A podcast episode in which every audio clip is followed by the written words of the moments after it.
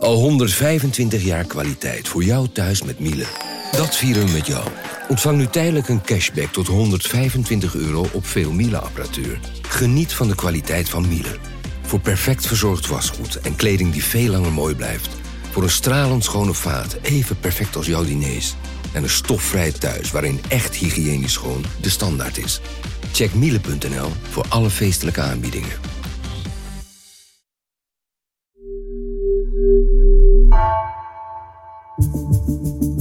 Vanaf de redactie van NRC het verhaal van vandaag. Mijn naam is Geertje Tunter.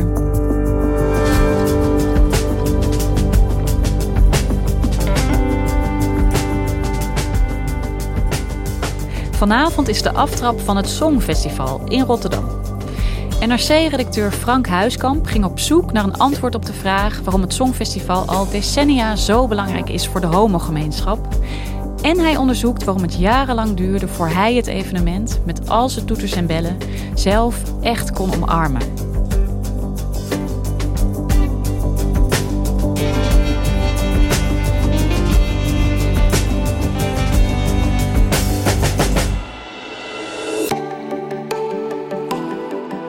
Frank, we zitten hier om te praten over het Songfestival dat vandaag in Nederland van start gaat.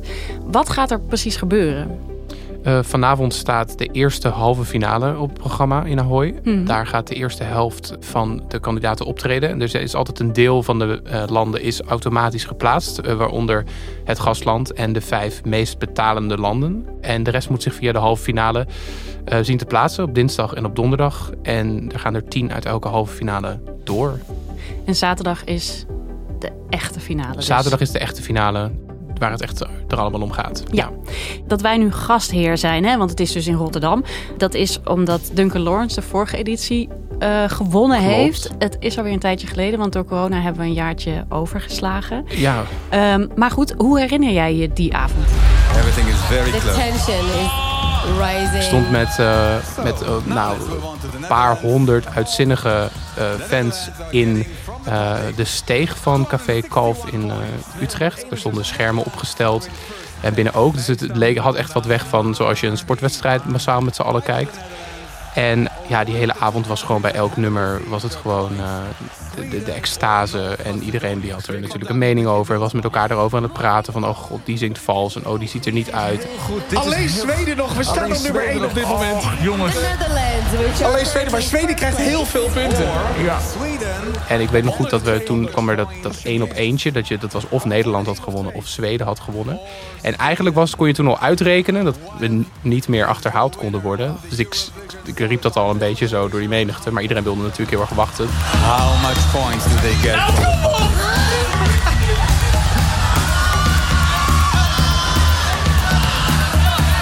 Ninety-three points. That means that We hebben het weer gewonnen!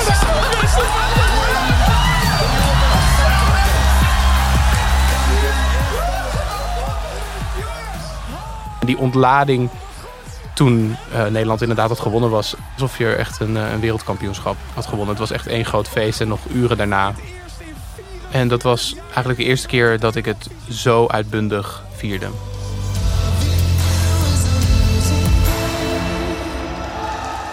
Ja, en jij zegt dus de eerste keer dat je het zo uitbundig vierde. Nou, dat beschrijf je eigenlijk ook heel mooi hè? in een heel persoonlijk essay, wat uh, onlangs in NRC stond. Daarin schreef je over de betekenis van het Songfestival voor homo's. En uh, je schrijft eigenlijk: Het was alsof ik voor de tweede keer uit de kast kwam. Waarom heb je dat essay geschreven?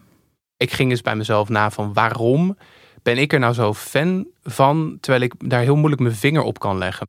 En ik, ik ben ook gay en dat is, er zit gewoon een cliché aan het Songfestival van oké, dat is enorm populair bij homo's, bij homomannen.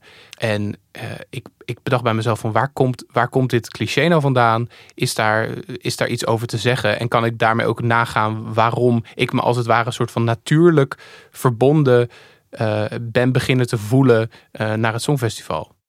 Wat is jouw geschiedenis dan met het Songfestival? Ik bedoel, hoe, hoe keek je er vroeger naar en hoe heeft zich dat ontwikkeld? Ja, ik probeerde ook te bedenken, ook tijdens de schrijving van hoeveel heb ik hier vroeger eigenlijk mee gedaan. En ik keek het wel met eh, familie ook en later ook met vrienden. Maar ik was niet zo gebiologeerd bezig met het Songfestival. Uh, het was echt toen nog een beetje vanuit het, het, het, nationalistische perspectief. Zo van kijken hoe Nederland het doet. En dat was ook een beetje hoe iedereen om me heen er naar keek. Zo van oké, ik ben benieuwd hoe, wat voor nummer heeft Nederland en hoe gaat Nederland het doen. En dan werd er wel altijd een beetje, dan was het altijd een beetje natuurlijk een lacherig festival. Dat is ook een beetje het imago dat eraan ja. zit. Maar uh, gedurende de jaren is er wel echt een meer, is die, is die ironische liefde is een beetje meer een, een serieuze liefde uh, geworden. Omdat ik gewoon denk voor mezelf naga uh, wat de impact van dat festival als fenomeen is. En dat ben ik een beetje gaan onderzoeken ook uh, door de geschiedenis heen wat er over bekend was uh, voor uh, um, wat de rol van het Songfestival is voor homo-mannen in dit geval dan. Waarom zij inderdaad en of zij er inderdaad zo altijd zo tot aangetrokken zijn geweest. Mm -hmm. En wat voor, een, wat voor een rol het daarin heeft gehad in, in, de, in de community ook. Je zou ook kunnen zeggen, ja, is een beetje een cliché, hè? Dat mm -hmm. homo's dat leuk vinden. Want heel veel hetero's zullen misschien ook wel zeggen... nou, ik vind het ook leuk. Precies. En, en er zijn ook homo's die zeggen... ik vind er geen bal aan. Er zit een deel natuurlijk in. Het is niet elke homo houdt ervan. En ook niet elke man die er van het Songfestival houdt is homo. Maar 180 miljoen mensen kijken naar het Songfestival over de hele wereld. En het zou geweldig zijn, maar uh, dat is niet zo'n grote vijver van alleen maar homomannen of mensen uit de LGBT-gemeenschap uh, die daar naar kijken. En dat, dat zegt de organisatie ook. Maar wat zegt de organisatie ook? De diehard fans, de meest toegewijde fans, de mensen die de fanclubs hebben opgericht, de mensen die al die vlogs en blogs doen, waarin ze elk nummer ontleden tot, uh, tot in de treuren, dat zijn gewoon heel vaak homomannen. En dat zijn gewoon de, de toegewijdste fans en de zichtbaarste fans wat dat betreft. Ja, en dat is dus ook een groep die zich prettig voelt in, in dat publiek, zeg maar. Dat is dus door de jaren heen een beetje gegroeid, met het Songfestival meegegroeid, vond ik, door gewoon te kijken naar de geschiedenis waar dit, dat cliché of die, die innige verbondenheid eigenlijk vandaan is uh, gekomen. En dat, dat is echt door de jaren heen hebben homo's een beetje een soort van, uh, en andere LGBT-leden uh, hebben daar zeg maar een plekje gevonden door de jaren heen. Ja, want het is dus het is niet zo dat het Songfestival sinds het ontstaan is of zo altijd een veilige haven is geweest voor homo's. Dat is, heeft zich ontwikkeld. Nou ja, ik, ik luister nog maar eens eventjes het winnende nummer in uh, terug van het allereerste Songfestival. Refrain, couleur du ciel, parfum de mes vingt ans. Dus in 1956, en dat was Zwitserland met uh, refrain. En dat is wel een voorbeeld voor hoe het eigenlijk de komende tien jaar zou zijn qua type muziek.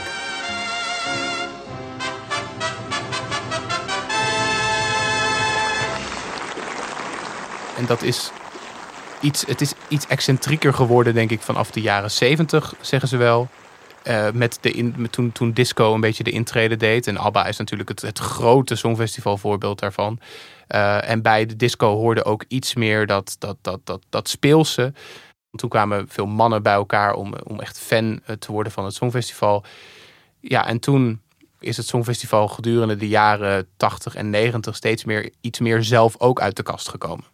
Dus ja, een generatie homomannen voelde zich eigenlijk heel erg thuis bij dat Songfestival. Mm -hmm. Maar hoe expliciet was dat eigenlijk toen? Want ik, kan me voorstellen, mijn oma zat waarschijnlijk ook te kijken. Misschien had hij dat toen helemaal niet zo door. Nee, dat is, dat is dus zo interessant. Het is natuurlijk wel minder dan vroeger. Maar vroeger had je helemaal die, die subtekst die er was... die je dan als homo of als andere LGBT'er wel kon zien. En uh, dat heet in de literatuur ook de queer gaze. Zoals je ook de male gaze hebt en de female gaze. Dus hoe vrouwen dingen bekijken, hoe mannen dingen bekijken. En ook hoe queer mensen, uh, homo's, lesbiennes. Um, en wat zagen naar, zij naar kunst, in het kunst uh, kijken. En nou ja, zij zagen in belangrijke mate dat dat, dat begrip over anders zijn. En deze persoon is uh, flamboyanter. Deze persoon is uh, uh, op een heel andere manier met zichzelf bezig. En dat, dat, is, dat wordt ook geaccepteerd. Maar een prachtig voorbeeld uit de geschiedenis is um, de deelnemer in 1961. Dat was uh, een Luxemburger, Jean-Claude Pascal. Les amoureux, on voudrait nous séparer. On voudrait nous empêcher d'être heureux. En hij wordt een beetje gezien als een soort van de homo-pionier binnen het Songfestival. Want zijn, hij won ook dat jaar. En zijn nummer was heel onschuldig op, het eerste, eh, eh, met, op de eerste blik. En hij, eh, maar wat opviel, en wat in die tijd ook zal zijn opgevallen, is dat hij zingt over een verboden liefde, iets wat niet mag. Eh, over ze zullen ons niet scheiden, zingt hij. zonder het geslacht van die persoon te noemen. Nou, in die tijd, als je dan met de queer gaze keek, dan kon je denken: oh, verboden liefde. Oh, ik weet wel wat je bedoelt. Ehm, en dat was in die tijd ook een beetje zo. En jaren later, tot niemands verrassing, ik bedoel, hij was eh, homoseksueel en hij heeft dat ook later, volgens eh, wat ik las, ook gezegd van ja, dit ging inderdaad verboden liefde, want ja, in 1961 over een, eh, een homo-relatie zingen, dat was natuurlijk absoluut not done. Maar dat was zo'n perfect voorbeeld van hoe je subtiel eh, voor wie het wilde horen, voor wie het wilde zien, zat er wel die laag in. Eh, en wat dat betreft was dat heel, natuurlijk achteraf heel vooruitstrevend voor die tijd.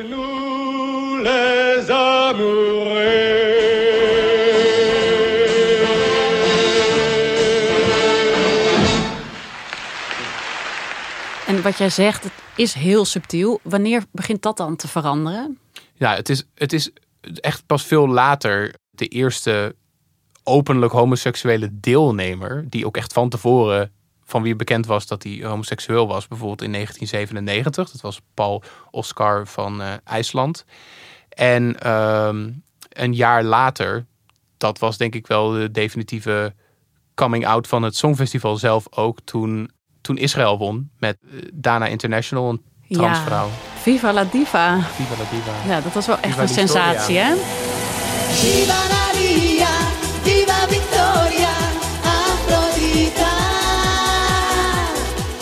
Dat was echt een, eh, ja, een, een, een, ja, schokkend iets voor, voor die tijd ook nog. Ook al is het nog niet zo heel lang geleden. Maar ja, zij won gewoon dat festival. Dat was iemand die eh, anders was dan, eh, dan de norm. En daar kon je gewoon voor zo'n podium, op zo'n podium, zo'n grote culturele wedstrijd mee, mee winnen. Dus dat was een enorme doorbraak voor de, de homo-emancipatie van het festival binnen het festival zelf ook. En toen was er, ja, toen was het ook eh, echt, wat heel lang impliciet was, was echt veel zichtbaarder geworden opeens. Viva la diva, viva Victoria, viva. En dat hakt erin, de diva van Dana International. Ja, en wat ook nog wel, denk ik, eh, op Netflix staat van veel mensen, is eh, eh, Conchita Wurst. En Ja. eh, ja, hoe, dat werd volgens mij ook niet door iedereen goed ontvangen, kan ik me herinneren. Nee, want in, in zekere zin was eh, hij of zij als ze, als ze optreedt eh, ehm, een soort voorbeeld van dit is nou dat, dat rariteitenkabinet van het Songfestival. Want ze won eh, dat jaar dat de Common Linnets, Ilse de Lange en Whalen namens Nederland tweede werden. En toen was het we, we hebben verloren van de vrouw met de baard of de man met de pruik of hoe je het ook wil, in, in welke denigerende term erover werd gesproken. En daarmee zag je ook dat het weer werd afgedaan als een gimmick.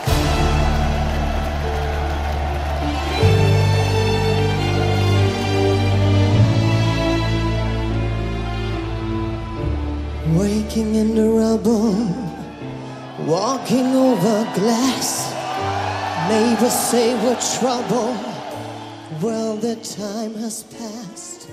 Terwijl ik daarnaar keek, vooral eh, enkele jaren later, als in van dit is dit, hier doe, hiermee doe je gewoon ehm, het, de impact van, van die zichtbaarheid geweld aan. Kijk, dit is gewoon een dragartiest die op het podium staat. Die staat daar niet puur zo van, oh ik denk dat ik kan winnen als ik een pruik opzet en make-up opdoe. Die, die staat ook voor dat, de, het belang van, van heel genderqueer en die spelen met die genderrollen zo op zo'n podium is natuurlijk van, van een groot belang voor heel veel andere mensen ook. Van de lijn tussen man en vrouw en mannelijk en vrouwelijk zijn is ook maar heel arbitrair en is ook op- een, op een heel spectrum. En daar was zij natuurlijk een heel goed voorbeeld voor. En zij zou ook een heel erg eh emancipatoren rol hebben gehad voor heel veel LGBT'ers op dat moment.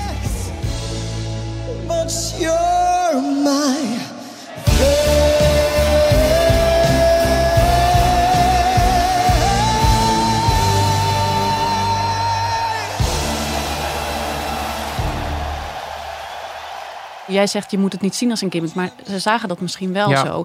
Heb je daar dan wel wat aan?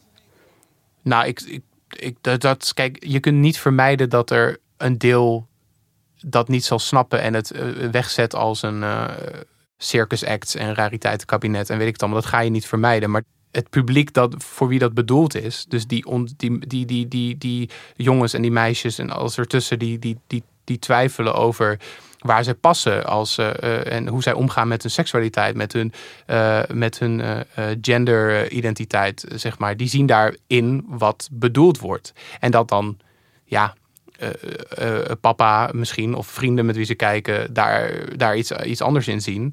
Dat is jammer, maar dat is wel. Het, die boodschap komt wel binnen bij de mensen voor wie het dan door haar ook op dat moment bedoeld was. Ik denk dat je, ja, je hebt, denk dat je heel mooi uitgelegd hebt eigenlijk eh, waarom heel verschillende mensen zich soms heel erg thuis voelen bij het Songfestival. Jij hebt je essay geschreven eigenlijk met een heel persoonlijke vraag. Hè? Namelijk, hoe kan het nou dat ik daar steeds meer van ben gaan houden? En ja, wat voor antwoord heb je daarop gevonden? Nou, ik keek natuurlijk heel erg de, naar de elementen ervan. Zijn, welke elementen eraan vind ik nou leuk? Ja, ik vind de, natuurlijk vind ik de muziek leuk. Ik vind de competitie leuk. Mhm. En ik, ik hou ook van wat eh, eh, spektakel en weet ik het allemaal. En, eh, maar ik dacht ook bij mezelf van... Er is iets, ik ben ook de laatste paar jaar er steeds meer fan van geworden. En toen dacht ik van, heeft dat misschien te maken met mijn eigen acceptatie van dingen die, die ik vroeger waar ik tegen ik me verzette, omdat ik die, die dacht van die zijn te homoseksueel, die zijn te gay. Zo ben ik niet, zo'n homo ben ik niet. En dat dat proces, daar heb ik best wel lang mee, ge- mee geworsteld. En ik denk dat ik, hoe meer ik ben gaan accepteren dat ik ook clichés leuk kan vinden. En, en echt de typische gay dingen leuk kan vinden. Dat ik daar juist, hoe, hoe meer ik dat ben gaan omarmen, hoe radicaler ik ook die clichés ben gaan omarmen. Omdat ik weet wat voor betekenis het heeft. En wat fijn het is dat die culturele dingen er voor ons en voor mij ook zijn. En hoe meer ook het, dat ik achteraf erop terugkijk en denk van... wat zonde dat je daar lang over hebt gedaan om, om dat te erkennen dat dat net zo, net zo mooi is, net zo prima is. En daar staat het Songfestival dan ook een beetje voor als een, als een, als een van die clichés in jouw hoofd, in mijn hoofd dan destijds, hè, dat hoeft niet het cliché te zijn, eh, die ik dus ben gaan omarmen omdat dat een soort van onderdeel was van het natuurlijke proces van eh, mezelf ook accepteren en mezelf in vrouwelijkheid, mannelijkheid, clichés of niet clichés eh, accepteren. En dat, ik, dat je zo gay mag zijn en welke invulling je daaraan wil geven, dat het helemaal jouw ding is. En dat, dat niemand daar iets over heeft te bepalen. En dat, dat, dat je daar voor jezelf prima vrede mee kan, eh, eh, kan hebben. Hey, en Frank, jij vertelt dus heel mooi dat je zelf een ontwikkeling hebt doorgemaakt. Dat je nu het Songfestival hebt omarmd. Maar hoe zit dat eigenlijk ja, maatschappelijk gezien, zeg maar? Is, is het ook echt eh, minder een big deal als je op dat podium staat als je bijvoorbeeld gay bent? Ik denk dat dat zeker zo is. Het gaat niet meer per se om de zichtbaarheid. Het is nu meer zo van, oké, en deze deelnemer is eh, zelf ook homo of is eh, ook, eh, ook, ook lesbisch. Niet meer, dit is een liedje van iemand en die is gay. Ja, pre- precies. Want het, ik bedoel, dat was eigenlijk al in 2019 bij Duncan Lawrence. Niemand had het er echt over. Oh ja, en die is ook biseksueel trouwens. Dat, is, dat was volledig eh, en terecht en goed eh, ondergeschikt eraan. En het- daar had niemand het over. En dat is wat dat betreft natuurlijk ook vooruitgang. En dit jaar zijn er meerdere eh, ja, homoseksuele deelnemers. Te beginnen met onze eigen Django Macroy. En is dat een big deal? Natuurlijk is dat een big deal, want hij is, van, ja, is een Surinaamse artiest. En gay zijn in de Surinaamse cultuur is nog net wel wat anders dan in de, de, de Nederlandse eh, cultuur. Dus dat is absoluut nog wel een big deal. En daar heeft hij ook zelf wel over gesproken. Maar het is, daar, het is nergens een, een leidend iets in. En ja, dat, de relevantie van puur alleen dat zijn is, is wel echt een beetje weg. Ja, en is, daar, kan je daarmee ook zeggen dat het Songfestival misschien wat nou ja, mainstreamer is geworden of zo? Omdat het dan misschien wat minder openlijk ja, gevierd wordt? Of zie ik dat verkeerd? Nou, ik denk niet zozeer dat. Ik denk oprecht wel dat het Songfestival een beetje meer mainstream aan het worden is. Ik weet niet of het daarmee per se te maken heeft. Ik heb wel het gevoel dat het Songfestival steeds iets serieuzer wordt genomen. Maar je ziet het aan hoe serieus Nederland nu na al die, die flaterjaren uh, nu de artiesten kiest bijvoorbeeld. En dan kun je zeggen, is dat dan slecht voor het Songfestival? Want juist het, het, het sterke daaraan was toch uh, dat het een beetje campy was en een beetje over de top. Want dat was dat, was dat feest, dat was dat toejuichen uh, van, van dat het anders en gek, gek, uh, gek was normaal, zeg maar. Um, maar als je het puur bekijkt over of dat dan nog iets van een effect heeft op de LGBT-gemeenschap en op homo's, dan denk ik: oké, wij hebben door de jaren heen dat festival omarmd en een beetje het plekje daar geclaimd. En dan is het instituut, het Songfestival, is van zo'n betekenis geworden dat eigenlijk de invulling daarvan en hoe dat ja, de komende jaren zich gaat ontwikkelen uh, inhoudelijk, dat dat dan niet zoveel meer uitmaakt. Want dat laten we niet meer los. Ja, dat pakken ze niet meer af. En Frank, waar ga je zelf eigenlijk kijken dit jaar? Uh, nou, dat is, het is wel leuk. Ik ga voor het eerst één dag uh, zelf live naar uh, het Songfestival. En dat is op de vrijdag. Dat is niet een van de halve finales of de finale. Maar dan heb je de jury show waar de punten worden verdeeld voor de jury. een dag voor de finale. Dus eigenlijk zie je gewoon de hele show die je een dag later ook ziet. Alleen dan is het een dag later helemaal voor het echi. Leuk. en je mag dus naar een soort concert eigenlijk. Ik, dat is ook in deze tijd uh, met 3.500 mensen iets uh, doen. Is natuurlijk uh, enorme wilde. Maar de, de echte halve finales en de finales zal ik gewoon ik, rustig thuis moeten gaan kijken. ja, de, de kroeg, zoals twee jaar geleden, zit er op zaterdag deze keer helaas niet in. Maar alsnog valt er thuis wel wat van te maken. Dankjewel, Frank. Ja, graag gedaan. Je luisterde naar Vandaag, een podcast van NRC. Eén verhaal elke dag. Deze aflevering werd gemaakt door Tessa Kolen, Henk Ruigrok van der Werven en Jeppe van Kesteren. Dit was vandaag, morgen weer.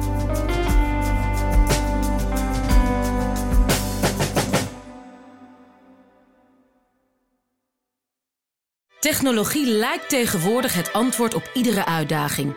Bij PwC zien we dit anders. Als we de potentie van technologie willen benutten, kunnen we niet zonder een menselijk perspectief. Human-led, tech-powered noemen we dat. Ga naar pwc.nl.